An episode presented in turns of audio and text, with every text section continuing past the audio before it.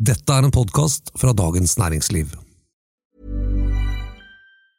Life is full of awesome what ifs, and some not so much, like unexpected medical costs. That's why United Healthcare provides Health Protector Guard fixed indemnity insurance plans to supplement your primary plan and help manage out of pocket costs. Learn more at uh1.com. It's that time of the year.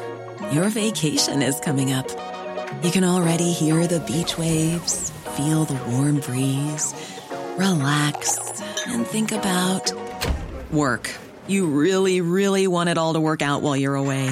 Monday.com gives you and the team that peace of mind. When all work is on one platform and everyone's in sync, things just flow wherever you are. Tap the banner to go to Monday.com. There's never been a faster or easier way to start your weight loss journey than with PlushCare. PlushCare accepts most insurance plans and gives you online access to board-certified physicians who can prescribe FDA-approved weight loss medications like Wigovi and Zepbound for those who qualify. Take charge of your health and speak with a board-certified physician about a weight loss plan that's right for you. Get started today at plushcare.com slash weight loss. That's plushcare.com slash weight loss. plushcare.com slash weight loss. EU-debatt. Det er vel ca. det siste Jonas Gahr Støre ønsker seg akkurat nå. Og er det mulig å senke fartsgrensen til 90 og innføre bilfrie søndager i byene? Dette er den politiske situasjonen. En podkast fra Dagens Næringsliv med politisk redaktør Fridtjof Jacobsen og meg, kommentator Eva Grinde.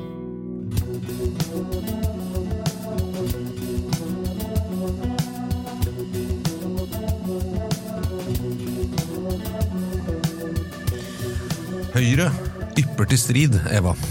Ja, og som om det ikke er nok strid i verden. Men dette er jo en helt særegen strid de ypper til. Ine Eriksen Søreide, tidligere utenriksminister, leder i Stortingets utenriks- og forsvarskomité, eh, tar i Klassekampen til orde for at vi må ha en ny debatt om eh, norsk medlemskap i EU. Ja, det gjør hun. Fra partiet Høyre. Det er jo ikke noe overraskelse eh, at hun er for EU. Altså, det har jo ikke vært noe hemmelighet, og partiet er det osv. Men det er jo nå en sånn klassisk eh, sette foten inn i døra fordi så veldig mye er på spill for tiden. Jeg tenker at det, eh, det er ganske taktisk riktig av Høyre å, å, å gjøre det, og prøve det. Men om de kommer noen vei, se det. Ja, jeg synes Det spørs. det, det, akkurat dette utspillet, eh, som i og for seg plasserer seg inn eh, i en litt større debatt, og den har jo surra lite grann ikke sant, eh, etter eh, Putins eh, invasjon i Ukraina, kan man jo se kanskje på hvert fall to eller tre ulike perspektiver. Det, det ene er jo virkeligheten, tenker jeg. At, Skal vi ta med det perspektivet jo, men, men altså, jeg, faktisk, altså, fordi eh, som, som eh, sikkert mange har fått med seg, Norge følger hele sin sanksjonspolitikk og veldig mye av sin på en måte, håndtering politisk, sanksjoner, eh, stenging av luftrom, alle de tingene, der gjør vi som EU gjør. Og vi venter på deres beslutninger før vi på adopterer de. Altså EØS-avtalen omfatter nå også utenrikspolitikk og sikkerhetspolitikk på en måte. Det er jo det som ligger i bunnen her. ikke sant? At Ja. vi også ser at EU har på en måte trukket seg sammen i en sånn kjempeaction som man egentlig nesten aldri har sett før. ikke sant? At du ser denne, denne unionen og fungerer faktisk som en union. Og de, de går jo sammen og produserer avgjørelser på løpende bånd.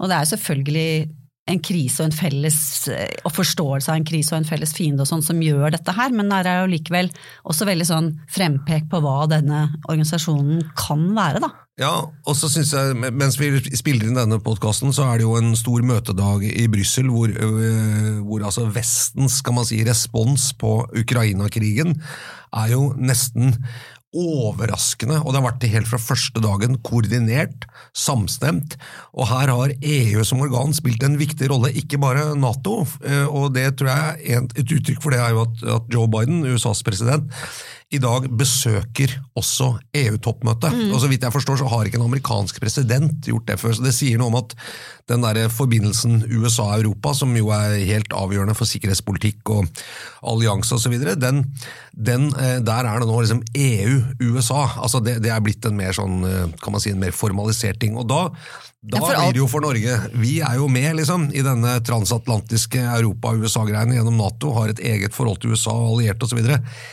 Kan vi nå, Er det egentlig strategisk og klokt for Norge å stå utenfor EU? Med tanke på den dimensjonen, Mm. handel og sånn, det har vi jo orden på gjennom EØS-avtalen, men, men, men i liksom det som gjelder mer sånn stor sikkerhetspolitikk, i det som mange mener vil bli en utrygg verden. og Det, det er jo en interessant debatt. Det er, det- er veldig, altså, og jeg bare tenker også for, for alt hva Putin skal ha, og har prøvd å splitte Vesten de siste årene, så har han på en måte ved dette siste trekket sitt i Ukraina gjort veldig mye for det motsatte. Altså det, som du sier, denne samlingen har jo ikke vært sterkere og større på evigheter. Men så, så, så tenker jeg at det er litt sånn tankekors når det gjelder EU, i hvert fall for meg. da, fordi eh, For meg så har, har, har liksom mitt ja til EU sånn grunnleggende, uten at jeg har vært noe sånn aktiv politisk i det, men jeg er sånn vennlig innstilt overfor ideen om EU. Men det har handlet ganske mye om eh, nettopp eh, å hindre krig i Europa. ikke sant? Og det, sånn at det blir en sånn der, hva, Hvilken situasjon er det vi nå står oppe i? Nettopp krig i Europa gjør at, at EU på en måte ser annerledes ut. Jeg bare syns det er eh, ja, skremmende og interessant. Eh, fordi altså, denne ideen om Europa og, og økonomisk samarbeid, eh, det er jo ikke noe tvil om at det er en god ting for å bevare freden. Hvis man er avhengig av sine naboer for å ha det bra i livet, så er det mindre sjanse for at man går løs på dem. Ikke sant? Og det er jo også et tankekors med tanke på sanksjoner overfor Russland og sånn. Og, ja. Så det, det er så mange ting som kommer opp her.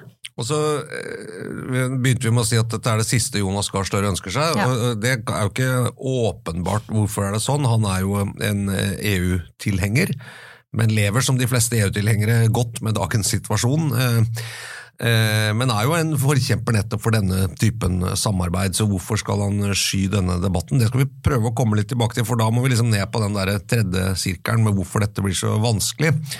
Men realitetene tror jeg er her er det et sånn nesten eksistensielt valg for Norge. Hvis EU blir en viktig på en måte, sikkerhetspolitisk koordinator, og at i møte med et aggressivt Russland så er det veldig viktig at Europa står sammen.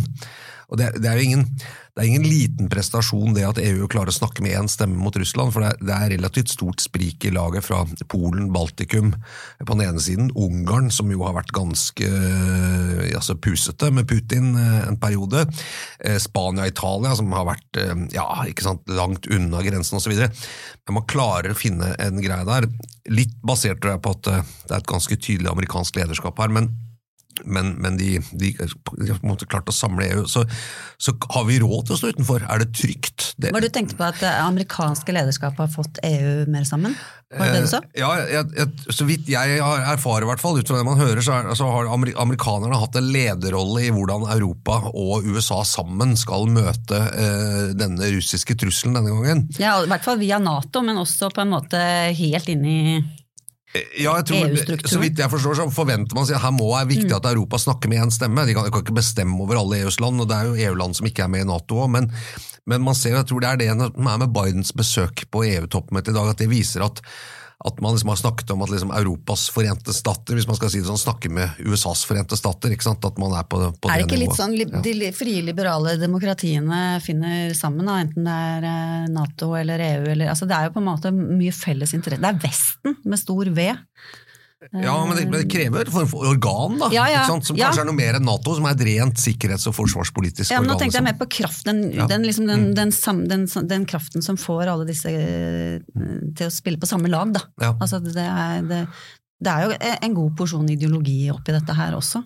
Ja, det, ja, det, ja absolutt, men, men så klarer man jo å liksom, komme med felles vedtak, Mm. felles sanksjonslover, felles altså Det er en del sånne ting som jeg synes, Det er jo egentlig et godt tegn, men, det, men, det, men bare for å komme tilbake til Norge, så er jo det det er jo noe vi da må ta altså Er det trygt å stå utenfor, eller er det sånn at vi rett og slett bare av sikkerhetspolitiske hensyn taler for å melde oss inn? Ja, for Men- Det men- kommer jo an på hvordan, eh, hvordan EU og Nato fremover samarbeider, og hvilken rolle EU får selvstendig også i sikkerhets- og utenrikspolitikken. Og Mm. det er jo ikke helt klart foreløpig, selv om de på en, måte, på en helt annen måte snakker med én stemme og, og, og, vedtar felles holdninger osv. på en annen måte enn før. Og bygger opp også militært.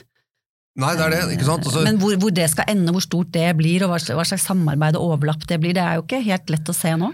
Nei, nei men, men, eh, men, det er jo ofte sånne kriser meisler jo ofte ut nye samarbeidsformer og sånn. Eh, men samtidig syns jeg den norske EU-debatten fortsatt er litt sånn denne krisen beviser at jeg alltid har hatt rett, enten jeg mener ja eller nei. Hvis du skjønner hva jeg mener? Det er litt den typen argumentasjon. og Da, tror jeg ikke vi, altså, da, da blir det jo en litt formålsløs debatt. Da, ja, men det, det, ser man jo litt sånn ymse varianter av i denne krisen. At folk kommer, eh, kommer, jo, kommer jo, med liksom sine, sine libehavere, sine, sine kjærlighetssaker. Sine kjære små barn av ja. noen saker. Eh, men, eh, men, det er jo også argumenter for at Norge ikke skal dure i vei, da, kanskje med en EU-debatt akkurat nå. Én eh, ting er eh, at det er politisk umulig, noe vi kommer straks tilbake til. Ja, men, ja, hvorfor, kan man bare gå rett til den, hvorfor er det det? Jo, nei, men jeg bare, jeg bare tenkte også på det at, at EU er jo Eh, altså den, hva skal vi si, den akutte følelsen vi har nå, den kommer jo av krig og, og, og krise og en sikkerhetssituasjon. ikke sant? Mens EU er jo mye mer enn det. Mm. Sånn at det å liksom eh, på en måte bruke denne energien her til å få oss inn i, i EU, blir kanskje eh, det, det, det, kan gå litt for fort. da, at, at, eh, ja, at, man ikke får tatt med Det å begynne å diskutere alt mulig om landbrukspolitikk og sånn akkurat nå, ikke sant? Det, det føles ikke helt riktig så jeg har litt sansen for det motargumentet fra Senterpartiet, faktisk. Nei, altså hvorfor det er umulig, det er vel fordi at det, det, altså EU, ja og nei til EU, det går jo liksom Det splitter jo tvers gjennom regjeringen og tvers gjennom Arbeiderpartiet. Så mm. det er jo så vondt og vanskelig. Det så du jo bare på, på uh, intervjuet med Jonas Gahr Støre på, på, debatten her med Fredrik Solvang, hvordan han, han han eh, lever godt med at vi jo, alle vet hva jeg står for, men det, ja, den, den eh, ballen eh, skjøv han bare til side, rett og slett. Jeg, jeg tror, og det, det er helt enig altså, det, det er klart at hvis man, For det første, så øh, hvis, hvis man Arbeiderpartiet nå skal gå inn for å begynne en slags uh, sonderingsprosess med å bli medlem i EU, så vil jo Senterpartiet forlate regjeringen. Ja. Og det, Jeg tror ikke man orker det helt. Og ikke SV vil antakeligvis heller ikke gå inn.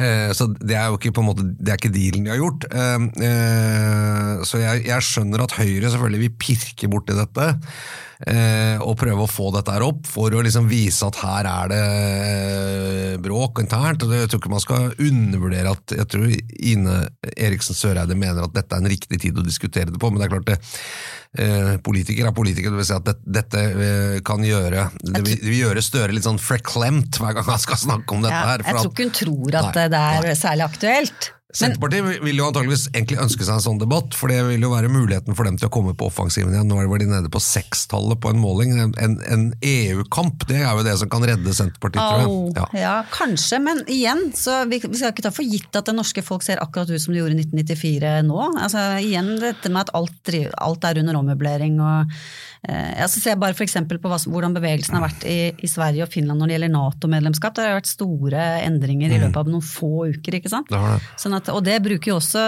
Søreide som et argument. ikke sant? Jeg, jeg tror eh, Det som jo er litt spesielt, som jeg i hvert fall syns, med Norges EU-tilknytning, at vi, vi, får jo gjennom EØS-avtalen stort sett alt det praktiske, men med noen viktige unntak for oss som jordbruk, mat og, og, og fisk. Men, men, vi får alt alle de praktiske godene. Og så Da kan vi leve med at vi ikke på en måte er med i de politiske beslutningsorganene rundt dette, for, fordi at vi tenker ja, vi er et lite land med begrenset gjennomslag. Eh, det vil jo være stas å sitte rundt bordet, men gjør det så mye praktisk forskjell? Vi, vi trenger ikke. ikke sant? Det er jo EØS-avtalens genialitet. På, ja, på det økonomiske området, ja. ja. ja alt som har med handel ja. og, og Schengen selvfølgelig, og fri reise og alt dette De fire og, friheter. Ja, og ikke minst er det jo veldig viktig for norsk industri at vi har tilgang på arbeidskraft fra, fra Europa som vi har helt uhindret gjennom EØS-avtalen. Men, men, det med denne krisen er jo at hvis EU faktisk blir en viktig politisk arena. Viktigere, ja. ja altså, mm. men, men, at det faktisk blir et sted hvor, hvor det tas viktige måte, utenriks- og sikkerhetspolitiske beslutninger som berører sentrale norske interesser, f.eks. Russland, hvor vi jo har en helt egen interesse fordi vi er nabo osv. Eh, kan vi da på en måte være ikke være med i de rommene. For akkurat når det gjelder forholdet til Russland, for eksempel, så vil jeg tro at liksom, der er jo Norge langt mer berørt sånn direkte sikkerhetsmessig enn f.eks. Spania og Italia, eller Ja. for den saks skyld Nederland. ikke sant? Ja. Ja, derfor så, Selv om det nå er vi ser liksom at Arbeiderpartiet og Senterpartiet har overhodet ikke noen plan om å sette dette på agendaen osv., så, videre, eh, så, er det- så er det en god ting, tenker jeg, at, eh, at man begynner å tenke i de baner, og at det, at det blir tatt opp, og at det kanskje finnes noen rom det går an å diskutere de tingene i, nettopp fordi EU er i så stor endring nå. Og vi Ja. vet, vet ikke hvor det ender opp hen når det gjelder liksom den graden av politisk og sikkerhetspolitisk og militært samarbeid fremover. Nei, Det kan jo bli Sant? tilbake til normalen Det kan jo det. eh, når, når, eh, når Ukraina-krisen en gang går over. Er- På den annen side, kjenner hvis Trump jeg bare, jeg tenker, kommer tilbake, så er det vel ikke noe mindre grunn til å, til å styrke Nei. EU. Han var jo sant, for Nato, men mot EU, det er jo, øh, mens Biden nå er jo for EU. Og En del amerikanere sier vi vil gjerne forholde oss til Europa. Hvis det er det i Europa, hvem skal vi ringe til? Ja, Vi har 30 telefonnumre, vi vil bare ha ett, da, som noen har sagt. Men jeg, jeg kjenner er ett menneske jeg gjerne skulle hørt hva han mente om dette, eh, som jeg dessverre tror at vi ikke får. Eh, Men som har sittet eh, på innsiden av europeisk sikkerhetspolitikk eh, de siste åtte årene, og nå skal gjøre det antakeligvis et år til. Ja, Kan vi ikke og som invitere han hit samtidig til podden? kjenner hele den norske europadebatten ut og inn, og hele Arbeiderpartiet osv. Det er jo Jens Stoltenberg. Hva, hva mener han? Eh, Kan Norge fortsette å stå utenfor ut fra et sånt perspektiv eller ikke? Det hadde vært veldig interessant. Så Hvis noen får sjansen, enten her eller andre steder, så bør han spørres om det. Men han er vel ikke, det, er vel ikke noe, det er vel ikke noe tvil om hva han mener om EU-medlemskap, er det det? Men altså, hvis han kunne tenke litt sånn høyt øh, og ærlig og ikke politisk, er det du tenker? På en Ja. måte, er det, hva, hva betyr det å stå utenfor? Ja. Men det, det er liksom hva, hva de mener sånn i, men, men, er men mener han at vi faktisk på alvor burde ta en helt ny debatt om innmelding? Ikke sant? Det, det er jo det, det har han jo ikke tok jo noe initiativ til det da han var statsminister og partileder. Men det er klart, kan også tenke seg i Arbeiderpartiet at uh, det er jo fortsatt en del der som kan leve med EØS, men som er mot EU, og det er det også i LO. eh, Ganske kraftig EU og motstand osv. Så, videre. så så en EU-debatt vil jo eh, ha muligheten til å rive det partiet i to. Ikke sant? Igjen. Eh, og, og på en måte perforeringen fins jo der allerede. Ikke sant? Jeg skal ikke dra den med perforering Det var veldig ut, fint, men, øh, fint Eh, begrep. Det er noe som kan rives fra hverandre, da. Ikke sant? Ja, det er sant. Ja. Nå, nå Du, men kjente du, jeg meg bare har- Nå sammenlignet Arbeiderpartiet med en slags tørkerull, men det jeg ikke det. Altså. Det er ikke, det er ikke, det er ikke der. Er ikke der. Men du, når jeg har deg her, da, hva, hva, hva tenker du selv? Bør, vi, bør Norge inn i EU? Eller én, bør vi ha en debatt om EU nå? To, bør Norge inn i EU? Hvis du skulle skrive en kommentar om dette nå, hvordan ville ingressen sett ut? Eh, jeg mener vi eh, burde vært medlem i EU, men, men bør vi ha debatten nå? Altså, for, hvis man mener man bør inn i EU, så vil jeg tenke at da må vi ta den debatten når man er sikker på at det går riktig vei. ja. Ja, men at det faktisk det, men at det sånn blir en reell debatt. Jeg, tror det er litt, jeg tror det er litt tidlig. Eh, Nå kan man liksom se for seg veldig mye om hvor at EU er viktig, noensinne, men, men det har bare gått noen uker.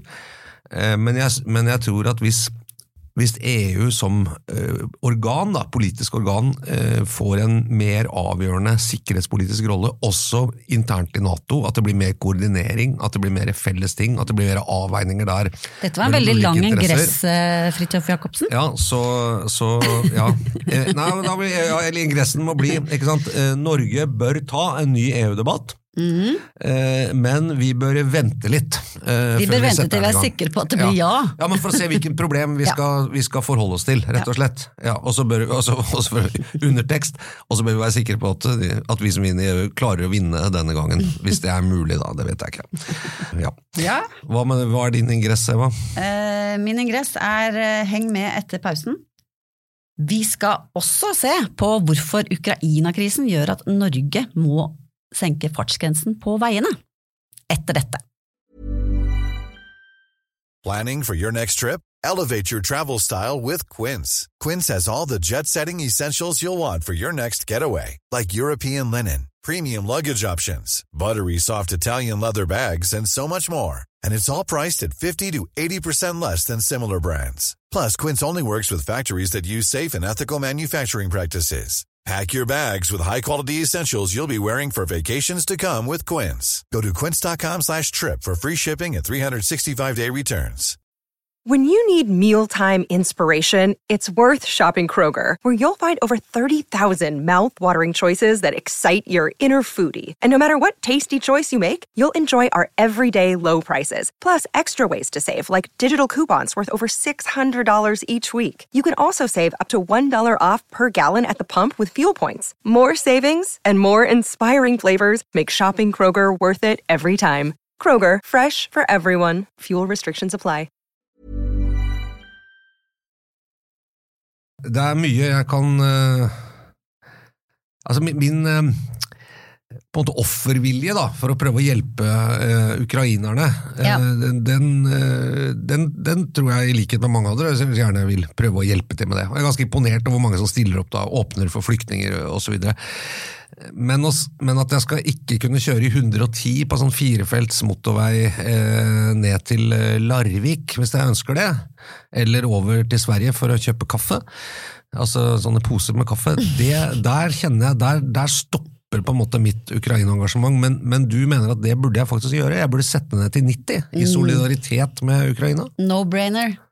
Det der, dette her, det, det inngrepet i din frihet, det er så lite og ubetydelig i forhold til eh, hva man kan få igjen for en felles og solidarisk eh, atferd med tanke på utslipp av CO2. Både med tanke på at vi skal bli, gjøre oss uavhengige, eller Europa skal gjøre seg uavhengig av russisk eh, olje og gass, fordi man ser at det er litt, litt uheldig å være så avhengig av det.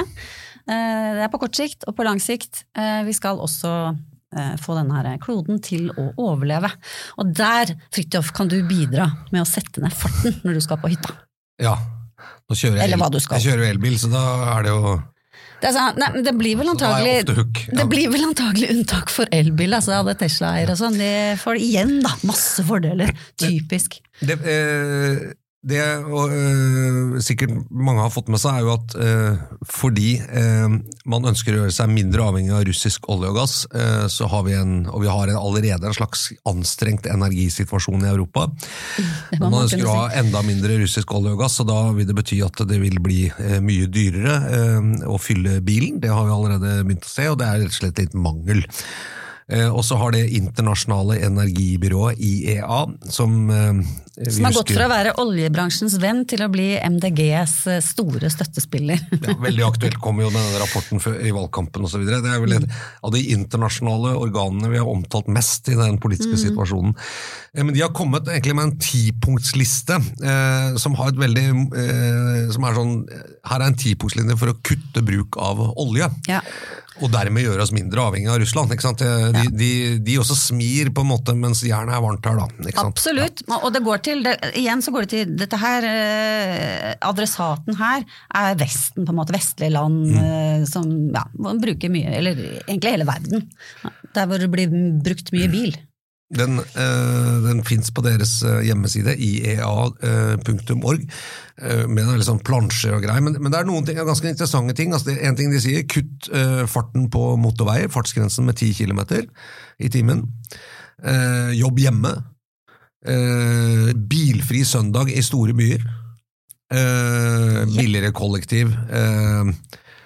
Car, altså sånn del, bildeling, eh, flere i bilen når man kjører ut inn til jobb. Eh, eh, eh, bruk tog istedenfor eh, fly, hvor det er mulig.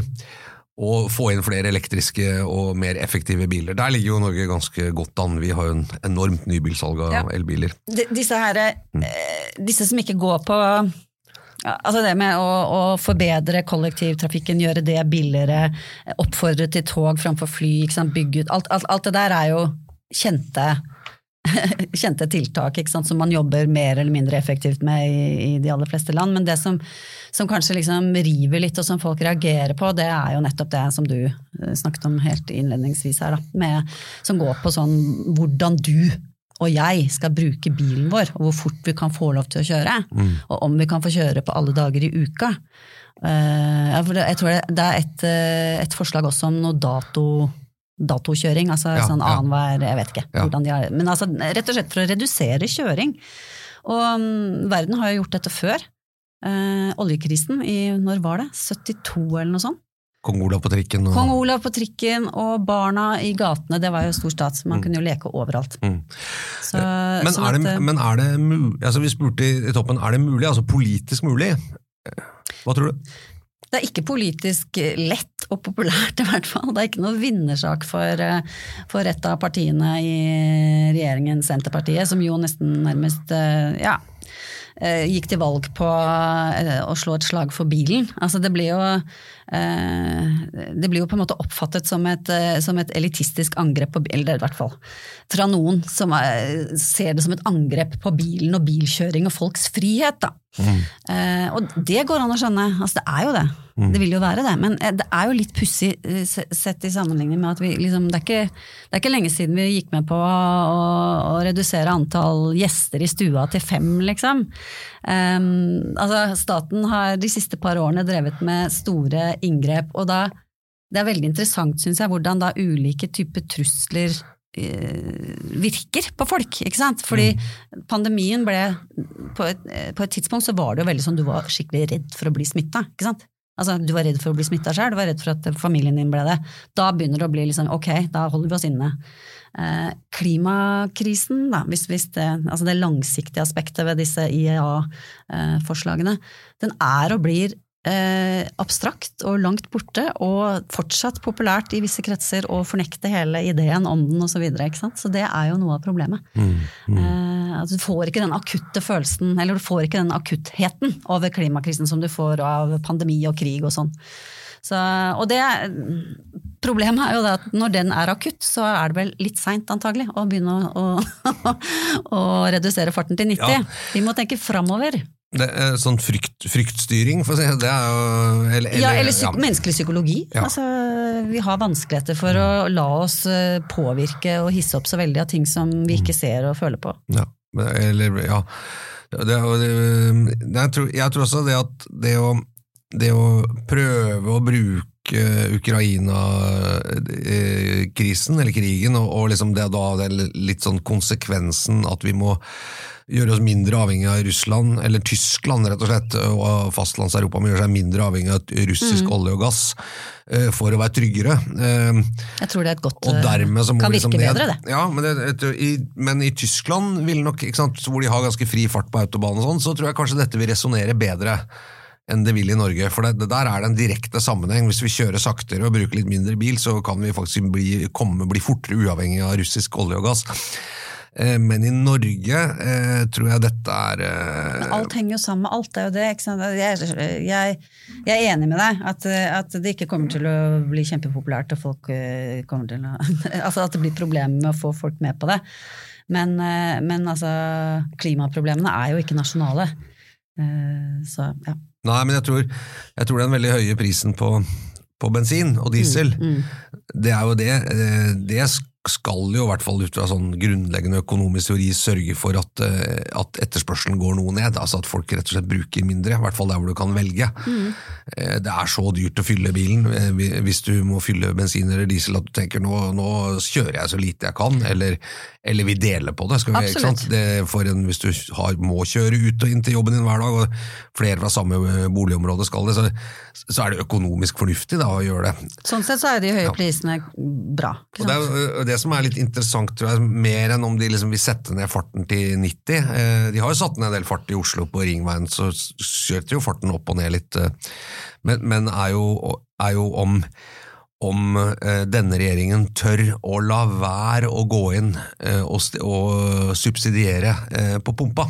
Ikke sant? Og tør de å la de høye prisene virke? Bensinpumpene snakker han om Ja, nå, altså. ja. Og diesel. Pumpa er det. Ikke sant? Det er det vi kaller det når det er pumpa. så er det det. Nei, men altså, Tør, tør man det, Ja. eller, eller, er det så veldig, eller er det et brudd på den kontrakten som eh, Senterpartiet spesielt, men også Arbeiderpartiet har med velgere i distriktene, at de ikke tør å gjøre det? At de må gjøre som med strømmen og si at hvis det bikker opp i 25 kroner literen, da må vi inn statlig, dra ned en avgift. eh, eller på en annen måte få eh, den prisen du betaler litt ned. Ja, Det var veldig interessant synes jeg, hvordan Jonas Gahr Støre takla det spørsmålet der også. Fordi eh, Da var det veldig det med at vi kan ikke gå inn på drivstoffpriser, for det går så opp og ned. Og nå har det jo siste uka gått ned igjen. Så, så vi følger med fra dag til dag, men vi kan ikke drive på sånn. og det, Folk må være må være forberedt på, på, på, fluktuering i priser, ikke sant. Og det, det er jo riktig på en måte. Altså, du, kan, du, kan, jo bli litt sånn tunga ut av vinduet hvis du skal løpe etter oljeprisen og sånn hele tiden, med, med, kompensasjoner og sånt. ikke sant? Det er ganske vanskelig politisk. Men samme prinsippet er jo egentlig der når det gjelder strøm. Man, man kunne jo si liksom sorry, dette er jo, det er jo sånn vi har det. Dere, dere, betalte nesten ikke noe for strøm for to år siden, nå er det dyrt. Eh, men, men, og da begynte han å snakke om grad, så det var ikke prinsippet. ikke sant? Da var det grad, da var det at det hadde vært sånn ekstrem økning i strømprisen. Og så, så kan man jo diskutere hva er ekstrem økning i drivstoffprisene? Er ikke den, begynner ikke den å komme inn på sånn 30 kroner literen og sånn? Jo, altså, jeg tror jeg, og det jeg også han, de har malt seg nok litt inn i et hjørne som er vanskelig å komme ut av. fordi at når, Da de argumenterte for at man skulle bruke en del penger for, på å kutte eh, fergepriser, noen skulle få det gratis og noen skulle få til halv, så var det nettopp for å si at en del av de som bruker disse fergene, har ikke noe alternativ. Altså, det, dette er på en kostnad på linje med strøm. på en måte. Du, du, må ta den fergen for å komme deg til og fra jobb, eller for å dra på skole eller hente. Altså, eh, og dermed så, så, er det ikke noe du kan velge bort. Ja, Hva med alle de som da er avhengig av bil? ikke sant? Så, det er jo akkurat det. Altså, hvis du bor en del steder i Norge, for å komme deg på jobb, så er det bare bil du kan bruke. ikke sant? Eh, eller for å kjøre barn på trening, eller besøke eh, foreldra dine eller, eller barna dine. Sånn. Skal jeg til å si hjemmekontor, ja. men det hjelper jo ikke med trening og foreldre. Nei, og Det er ikke alle som kan jobbe på det heller. Så, så, så, så, da kan man jo si at da er jo dette en, eh, en, en, en levekostnad på lik linje med strøm. I, I, en by så har du jo faktisk muligheten til å si at okay, du kan gå over på buss, eller du kan gå på bane, eller du kan sykle, eller gjøre sånne ting. Men det er ikke noe option for alle. Og den, den måten der, og akkurat det argumentet, har denne regjeringen og de to partiene gått så hardt inn på både i valget og da de lagde den Hurdalsplattformen, at når de nå skal prøve å vikle seg ut av det og si å ja, men det gjelder ikke dette ja, nei, og sånn, det det. så har de et uh, problem. Jeg lurer på, men jeg, jeg tenker også at uh, han var liksom så skrå, eller han var så, så, veldig sikker på akkurat det, at jeg tenkte at det, dette må jo ha vært diskutert òg. Bensinpriser og bil, bilkjøring og sånn var så viktig for Senterpartiet i den valgkampen. Mm. Eh, og at han bare liksom avfeide det som, eh, som en problemstilling. Så, jeg, så, så, tenkte jeg, og Samtidig som han var sånn nei, vi skal ikke diskutere EU, så lurte jeg liksom, hm, er det gjort en liten sånn så, her, liksom? Ja, ja, eller er det posisjonering fordi man skjønner at det kommer? Ja. ja. Mm. Jeg kan ikke trekke de konklusjonene før han vet hvor det ligger, men, men jeg, tror, jeg, jeg, tror, det der kommer til å bli et veldig, veldig krevende, og jeg tror også denne, denne eh, merkelige ting de har malt seg inn i nå, hvor de på en måte sier at nå må vi stramme inn, det går for, det går for fort i økonomien. Vi, I dag fikk vi et varsel om at rentene skulle mer opp enn vi trodde Det skulle bli flere rentehevinger, for å bremse forbruk, bremse aktivitet. Mm. Eh, eh, og så sier man samtidig at nei, men vi skal kompensere alle som på en måte blir rammet. Ja, Da, da gir du jo gass samtidig som sentralbanken bremser, da må de gi enda mer brems.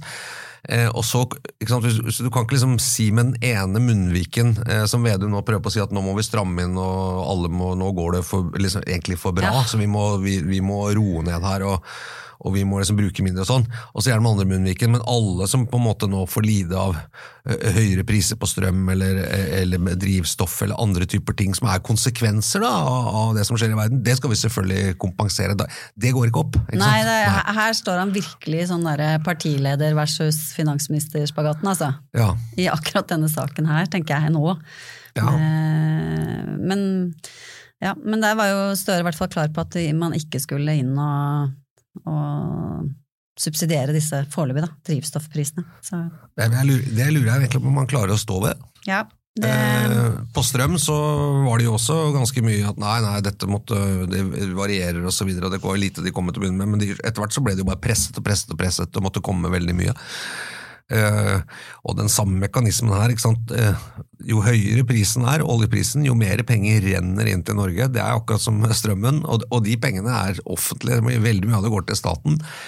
Eh, så det er liksom vanskelig å si at eh, sant, staten skal bli rik mens du blir fattig. Ja. Og, så, og den er liksom vond og, og, og vanskelig å kjøre pedagogisk. Dette er med at hvis, hvis, man, hvis det kommer mer penger ut, sant, så kan det hende at renten blir høyere, og da kan det hende at du får enda dårligere råd. Altså, det blir mye mer sånne, mange runder. da. Det er så lett å se hvis du får en, en sånn sjekk i posten om at her skal du få igjen litt for den høye bensinprisen. Den, den er liksom ja. Ja, så kunne han sagt ja, men da gir vi skatteletter til på alle eh, måte, fra middels og nedover inntekt, så gir vi skatteletter så vi gir de økt kjøpekraft frem og tilbake. Men da sier jo Norges Bank nei, det er det vi ikke må Ja, gjøre nå. det akkurat det. Ikke sant? Så, altså, det er Men du, det har vært foreslått i, denne, i dette her, altså kompensasjon for økt rente. Den syns jeg var, den nå er toppen. ja.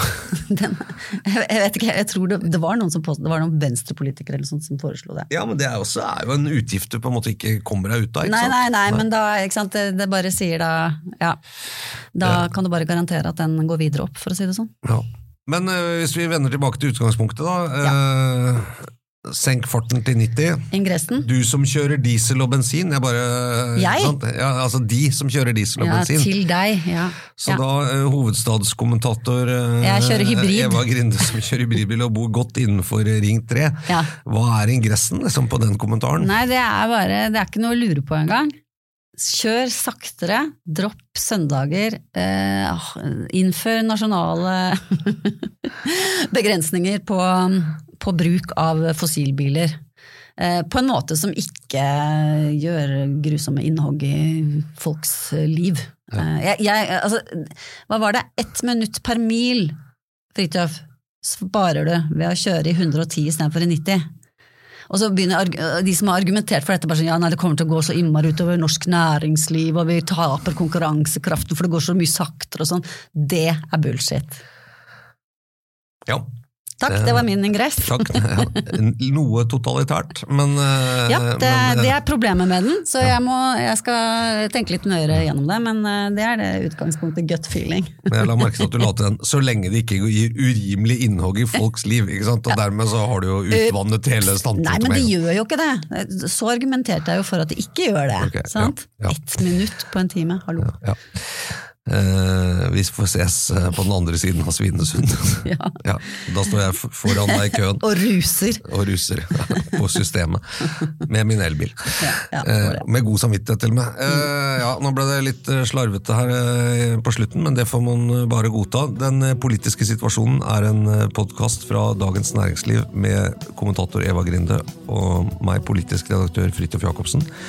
Eh, Vi kommer ut hver uke. Vår tekniker heter Gunnar Bløndal nå. Eh, Hyggelig at du hører på. Lik og del og abonner og alle de tingene, så høres vi igjen neste uke.